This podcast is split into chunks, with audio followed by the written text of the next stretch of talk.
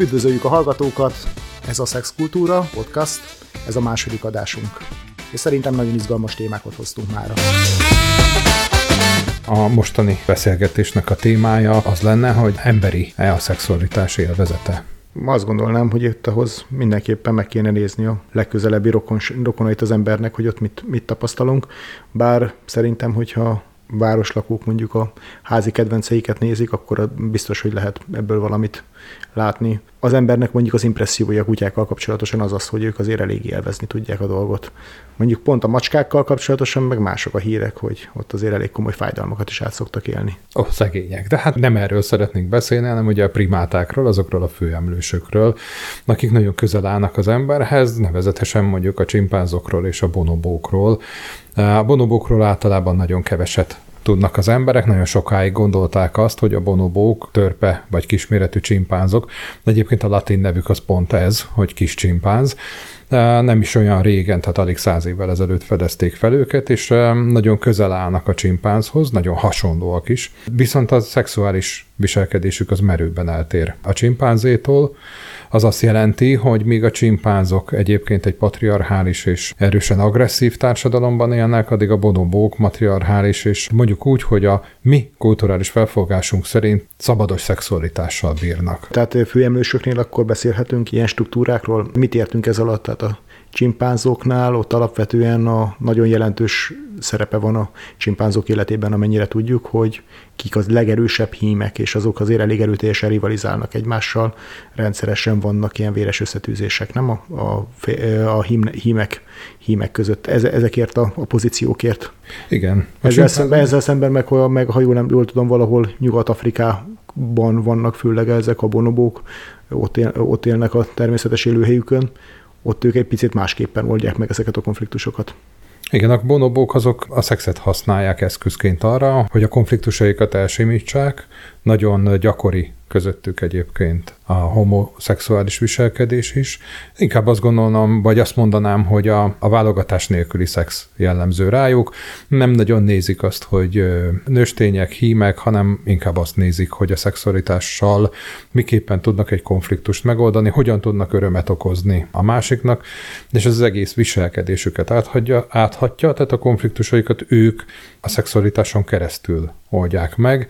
Nem is nagyon figyeltek meg náluk egyébként például csecsemőgyilkosságot, míg a csimpánzoknál ez egy eléggé elterjedt dolog. Hogy a hímek megölik a másik, más hímtől származó, vagy korábbi utódjait a, a nőstényeknek, ahogy tulajdonképpen Igen. ezzel is őket új utódok nemzésére és új utódokra a gondoskodásra sarkalják, vagy bírják rá. Hát ez az emlősöknél azért van, följegyeztek ilyen viselkedést több. több Igen, ez náluk is így van, és azt gondolom, hogy ez eléggé problematikus tud lenni, mert hogy megjelenik az embernél is az a fajta viselkedés, hogy nem az, nem az én gyerekemet, azt egészen más kategóriába teszem.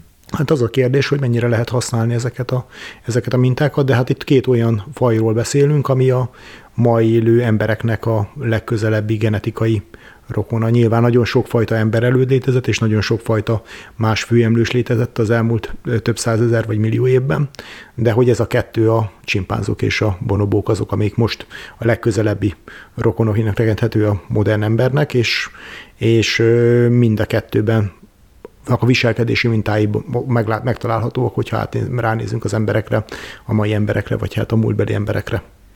És ez bizonyítja egyébként azt, hogy a szexualitásunk az nem genetikai, ez, ne, ez nem egy öröklött dolog. Bizonyos szempontból mondhatjuk, hogy öröklött, mert egy viselkedés mintát öröklünk, és ez a viselkedés minta, ez a hiedelem, ez a szabályrendszer az, amelyik befolyásolja a mi gondolkozásunkat a szexualitásról, ami egyébként nagyon változó, hiszen koronként és kultúránként más tekintettünk normatívnak, de erről azt gondolom, hogy fogunk még beszélni, hiszen a, az egész podcastnak a témája az, hogy szex és kultúra, szex plusz kultúra, hogyan, hogyan kapcsolódik a szexualitás az egyes kultúrákhoz, az egyes korokhoz. Hát most az a nagy kérdés az, hogy, mind, hogy, hogy amit most mi a 21. században a szexualitásról gondolunk, itt a európai kultúrkörben, az, az mennyire, mennyire volt más évszázadokkal vagy évezredekkel ezelőtt.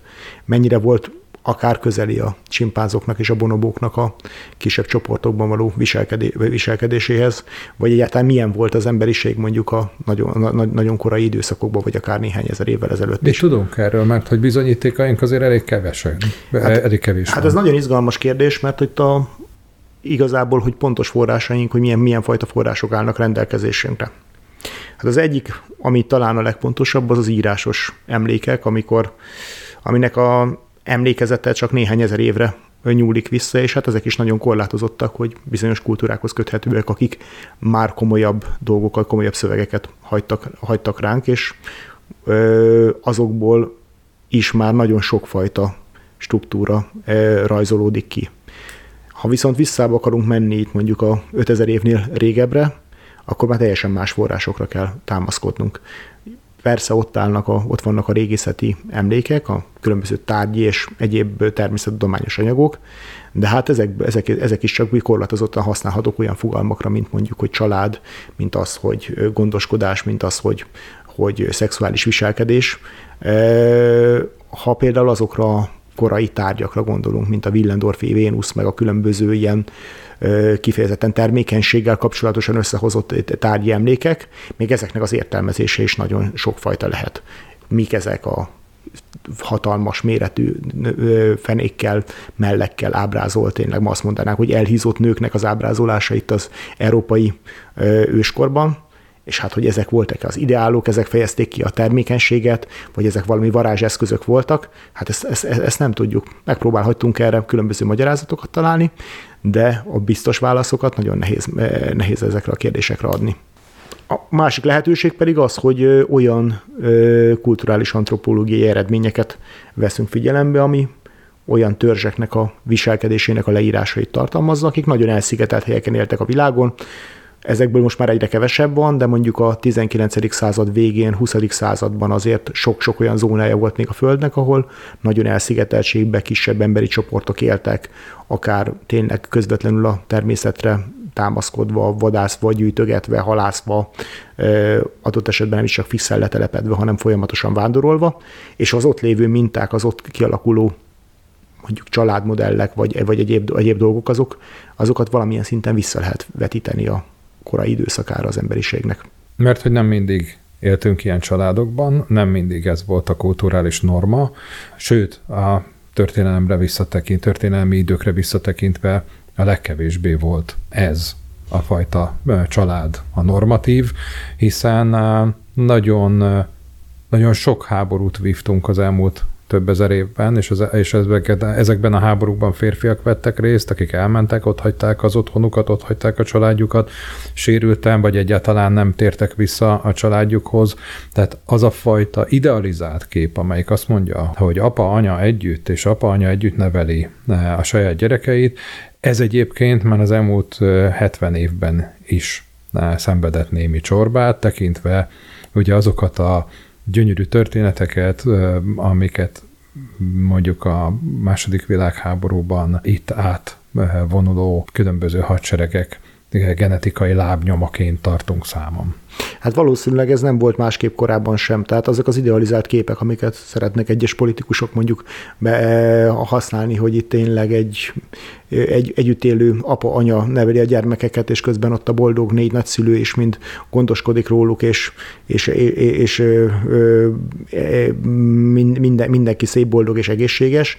Ez a kép, ez soha sem létezett ebben a formában, mint, mint általános, általános kép. Mindig is léteztek mozaik családok, az emberek sokszor nagyon korán meghaltak, gyerekágyban, betegségben, háborúban, egyéb, egy, egyéb problémákban is a családoknak, illetve a különböző struktúráknak meg kellett oldaniuk az utódokról való gondoskodást, és erre nagyon, külön, nagyon különböző válaszok születtek helyenként, időszakonként. A másik, ami, ami még, még talán egy ilyen nagyon izgalmas kérdés, és néha föl szoktam tenni embereknek, hogy például tudjuk-e, hogy honnan ered az a fajta monogám család modell, vagy az a gondolkodási móda, akár csak itt az, Indó, ind, akár csak itt az európai kultúrkörbe, ami, ami, amit mi most normának tekintünk. Mi, mi, mióta tudunk biztosan, hogy létezett ez a modell? Te Szilárd, mit gondolsz erről? Az én tanulmányaim azok azt mondják, hogy a monogámia és a patriarchális gondolkozás az akkor vált egyébként egyfajta normává, amikor megjelent a magántulajdon, és nagyon nem volt mindegy, hogy az a túltermelt mennyiség, amit, amit én tovább örökítek, azt a saját genetikám fogja örökölni, vagy valakinek a má, valaki másnak a gyermeket. Hát az én tanulmányaim alapján, amivel én azonosulni tudok jelen pillanatban, az azt mondja, hogy ez a fajta férfi központú gondolkozás is, ez a fajta monogámia iránti igény, és tegyük gyorsan hozzá, hogy a monogámia a nőre vonatkozik korlátozóként, a férfi pedig élhette szabadon a világát, többé-kevésbé, nyilván anyagi lehetőségeihez eh, és társadalmi státuszához képest, de hogy ez, egy erősen, ez az erősen korlátozó, a nők számára erősen korlátozó gondolkozásmód, ez a magántulajdonnal együtt jelent meg. Igen, ezt, ezt így feltételezik, hogy, hogy valahogy így történhetett, de mondjuk akár csak az a fajta modell, amiben a monogámia ebben az esetben semmi más nem jelent, mint hogy egyszerre egy férfi egy, egy nővel van valamilyen státuszban, fix státuszban, és az ők nekik az utódaik, azok örökölnek bizonyos megszerzett jogokat, vagyont és egyebet. De ez a kép, hogy egy férfi, egy nő egy időszakban, hivatalosan ö, ö, együtt, együtt így vannak, ez egyrészt egy jogi fogalom, és ezt mondjuk a Európában biztosan mondjuk a görög poliszoknak a világából ismerjük. Tehát az utolsó Krisztus előtti 8. 9. 8. század, vagy talán egy picit korábbról ismerjük ezt a modellt. Ez itt a, csak, csak arról szól, hogy egy teljes értékű polgár, aki mondjuk egy görög poliszban él, az választ magának egy szintén megfelelő, megfelelő származású feleséget, ők együtt vannak, és nekik az utódaik, elsősorban a fiúk, azok öröklik az apjának a jogi státuszát, és mondjuk a lányok is azért kiemelt pozíciót eh, viselnek, és hát szabályozottan örökölnek.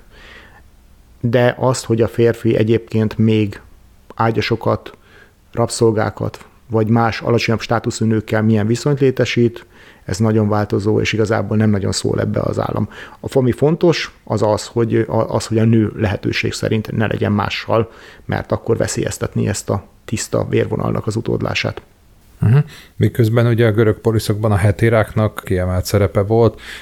Hetéra emlékeim szerint szó szerint társalkodót jelentett. Igen, igen, ez egy, ez, ez egy nagyon kiemelt része volt a prostitúciónak, ami egy nagyon pici szegmense volt egyébként a, a, a, a, a, a görög prostitúció világnak, tehát az a, az a tényleg az az elit volt, alatta meg hát létezett ennek a sokkal alacsonyabb és sokkal tömegesebb szintje. Uh-huh. Két olyan érdekesség is van, ami az elmúlt tíz évben borzolta azokat a kedélyeket, amik a szexológiával foglalkozókhoz kutatásokból, mint elméletek elértek.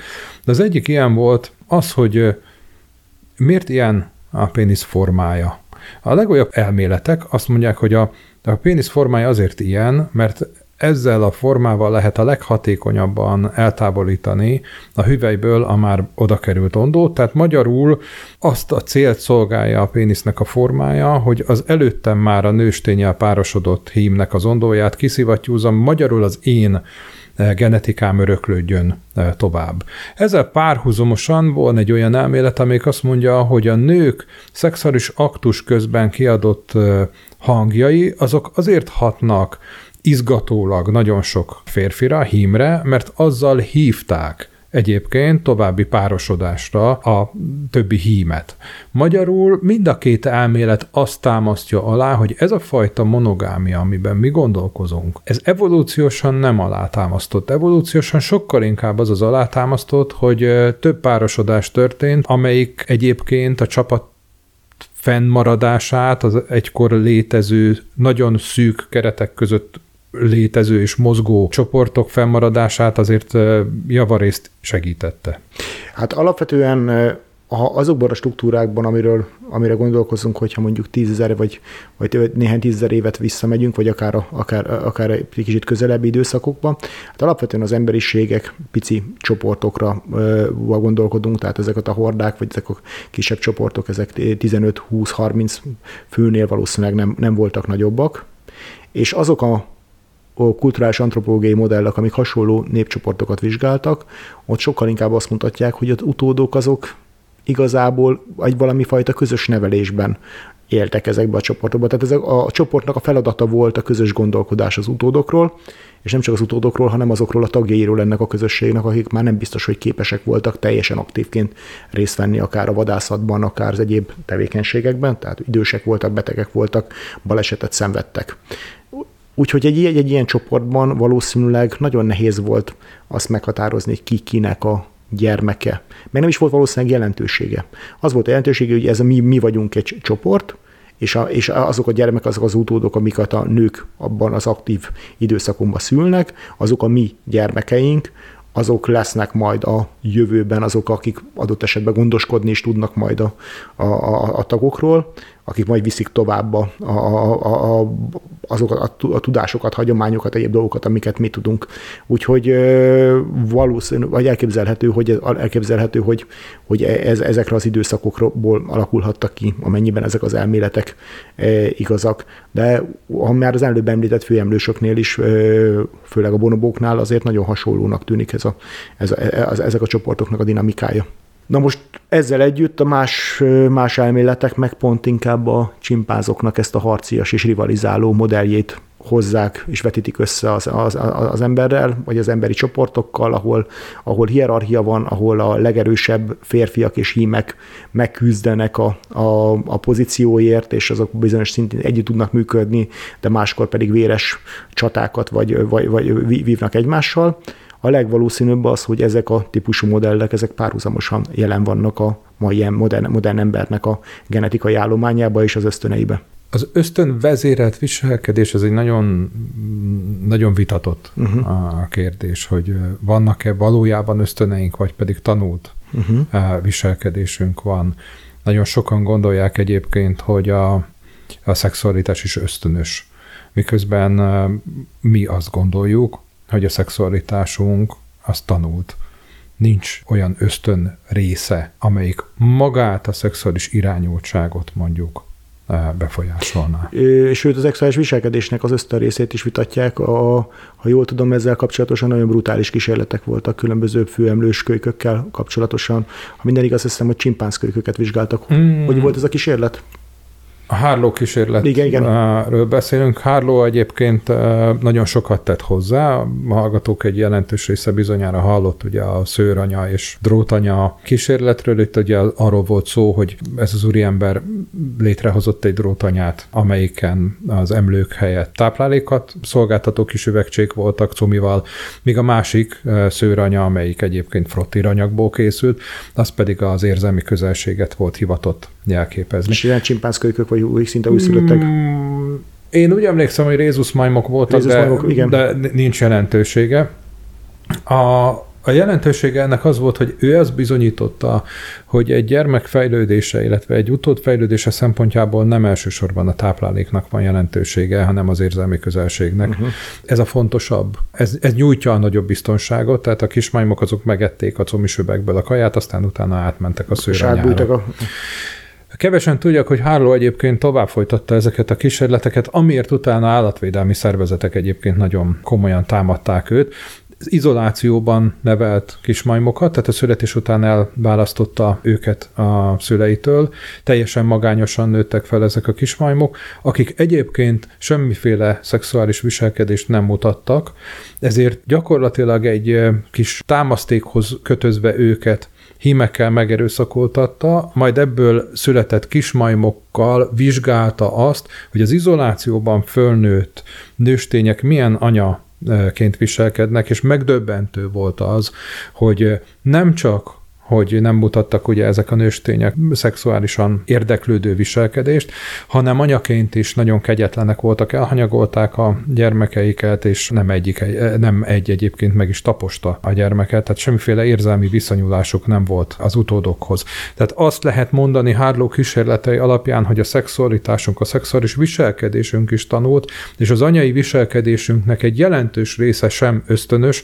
hanem eh, egyfajta látott, érzéket mintának a továbbvitele. Magyarán mindazok, amiket azt gondolnánk, hogy ösztönként léteznek, ezek, ezek, ezek valójában attól azért tudunk, és azért tudjuk, hogy hogyan csináljuk, mert valamilyen szinten láttunk mintákat, érzékeltünk mintákat, és, és, és, és azokat próbáljuk megkövetni, amiket nagyon kiskorban megtanultunk, vagy, vagy, vagy, vagy gyerekkor, vagy újszülött kortól kezdve. Igen, és egyébként ez a modern társadalomban sajnos egy nagyon rossz irányt vett, de azért száz évvel ezelőtt a magyar társadalomnak egy jelentős része vidéken élt. 50 évvel vagy 60 évvel ezelőtt is a lakásállománynak a több mint fele volt egy szobás lakás. Tehát ez a, a mi szüleink, nagyszüleink, dédszüleink, azok közvetlen módon találkoztak a szexualitással. Tetszik, nem tetszik, a nagyszüleink, dédszüleink, akár szemtanúi is voltak a szüleik szexualitásának. Ott éltek az állatok között, látták, hogy hogyan szaporodnak. Számukra a szexualitás nem egy ismeretlen dolog volt. Abból a szempontból számított tabunak, hogy nyilvánosan beszélni nem nagyon e, volt divat róla, de meglepő, hogy több százra tehető azoknak a tájszavaknak a száma, amelyik például a szexuális eh, aktust írják le. A mondókáink egy jelentős része, a népdalainknak egy jelentős része bújtatott erotikus tartalommal bír. Biztos, hogy változott különböző korszakokban, hogy mennyire volt természetes és mennyire volt téma, de hát ez ugyanez a testhez és a különböző testrészekhez való viszonyulás. Mi az, amit el kell rejteni, mi az, ami szemér, szemérmesen el kell rejteni, és mi az, ami, ami, ami, ami teljesen hétköznapi. A testhez való viszonyulás az is elképesztő módon változik kultúránként. Talán ez inkább közismert, hogyha mondjuk a természet közeli népeket nézzünk, és látjuk, hogy akár csak egy száll kötőbe, vagy még kevesebben töltik az életük nagy részét, de hogy ez mennyire változó volt, akár nagyon összetett és nagyon, nagyon komplex kultúrákban, civilizációkban, ahhoz elég, hogyha mondjuk az ember a ó-egyiptomi ábrázolásokat látja, ahol mondjuk például a női melleke azok, azok minden, nagy, nagy, rengeteg ábrázoláson teljesen vagy nyilvánosan vannak, vagy pedig teljesen áttetsző anyag alatt vannak, és nincsen ez különösebben, különösebben elrejtve miközben meg más kultúrákban, meg akár még a hajnak, vagy a női hajnak a, is kendő alá kell rejteni, vagy akár az egész arcot, vagy a, vagy a legextrémebb módon akár már a szemet is, is elrejtik. De hogy ez nem csak nőknél van, férfiaknál is megjelenik bizonyos, bizonyos helyeken. Ott vannak például az Észak-Afrikában élő tuaregek, ahol például a férfiak nagyon sokszor a szájukat, azt, azt ezt elrejtik, azt nem nagyon látszik a kendő alatt. Tehát, hogy, hogy nem, nem illik különösebben, például ott a kendő sokszor tényleg elrejti a, a férfiak, férfiaknak a száját is így a nyilvános eseményeken de ez is teljesen kultúra függ, hogy mit illik megmutatni a testből, és mit, mit, mit, mit kell elrejteni, mit szabad megmutatni magunkból, és mi az, ami, ami, amit akár büszkén mutogathatunk is. Milyen érdekes, amit mondasz, mert ugye én azt gondoltam, hogy, hogy a tuaregek egyébként a sivatag homokja ellen védekeznek ezzel a kendővel. Igen, de, de alapvetően sokszor tényleg oda rakják a szájuk elé ezt a kendőt, és így ilyen szociális interakciók közepette is idegenek előtt nem feltétlenül mutatják meg a szájukat. Nem, nem szigorú tabuként, mondjuk most a 2010-es években, de, de, de még mindig, mindig jellemző, hogy, hogy annyira nem, nem akarják talán, hogy nem is kell mindenkinek felismerniük, pontosan, pontosan felismerhető legyenek az arcvonásaik.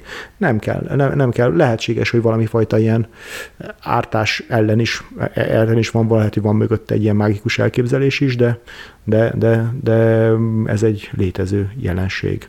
És hát a másik fele a dolognak, a világnak meg például az, hogy, hogy mik azok a testészek, amiket, amiket erotikusnak tartunk, és mi az, amit teljesen hétköznapinak, hétköznapinak látunk. Mit tartunk erotikus testrésznek? Hát ez nagyon jó kérdés. Hát egyrészt az, hogy, mi, hogy mit tekintünk első körben, hogy a, a mi kultúránkban másodlagos nemi jellegnek. Tehát a másodlagos nemi jellegnek tekintünk azokat a dolgokat, amik a pubertáskorban kialakulnak és vagy, vagy és, és megjelennek a testen, elsősorban a női mellett szokás ilyennek tekinteni, míg nyilván a mi kultúránkban kislányok akár mesztelenül is pancsolhatnak a, a nyáron a, a pocsolyába, vagy legalábbis egy szál bugyiban.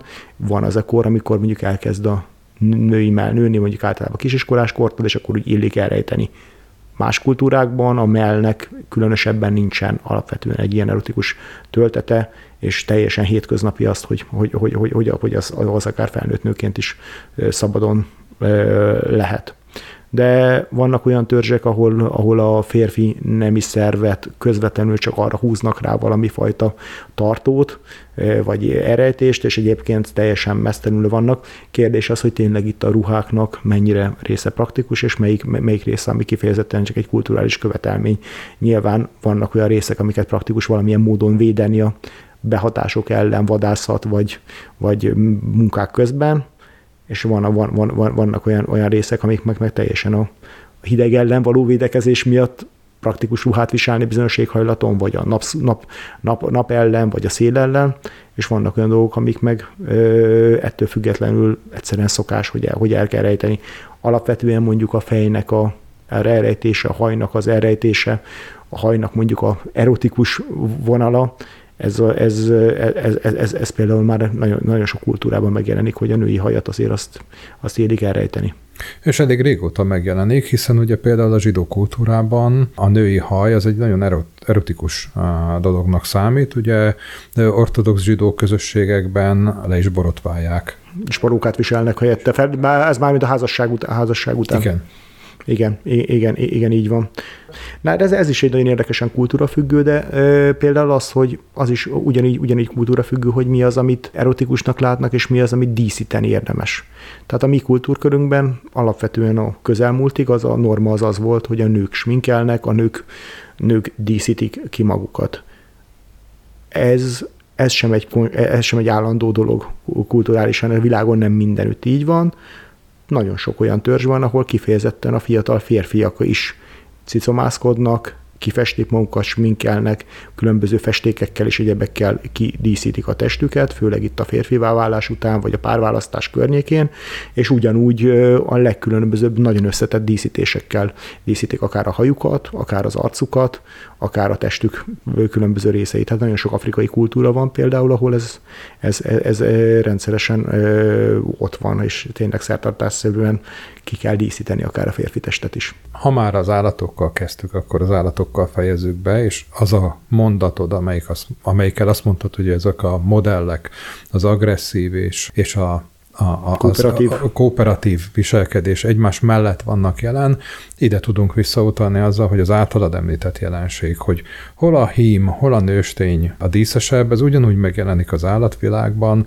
ugyanúgy vannak olyan fajok, ahol a hím a díszesebb, és ő az aktívabb a párkeresésben, és ugyanúgy megjelenik, ahogy a nőstény a díszesebb, és ő az aktívabb a párkeresésben. Tehát ez megint csak azt igazolja, hogy mind a két modell jelen van egyidejűleg, az szinte emberben. mindenhol. Igen. A mai adásunkon azért elég hosszú utat jártunk be, az emberi elődöktől, az emberi, emberi rokonfajoktól egészen a modernkorig. És ha tetszett az adás, akkor kövessetek minket az Instagramon, vagy akár a Facebookon.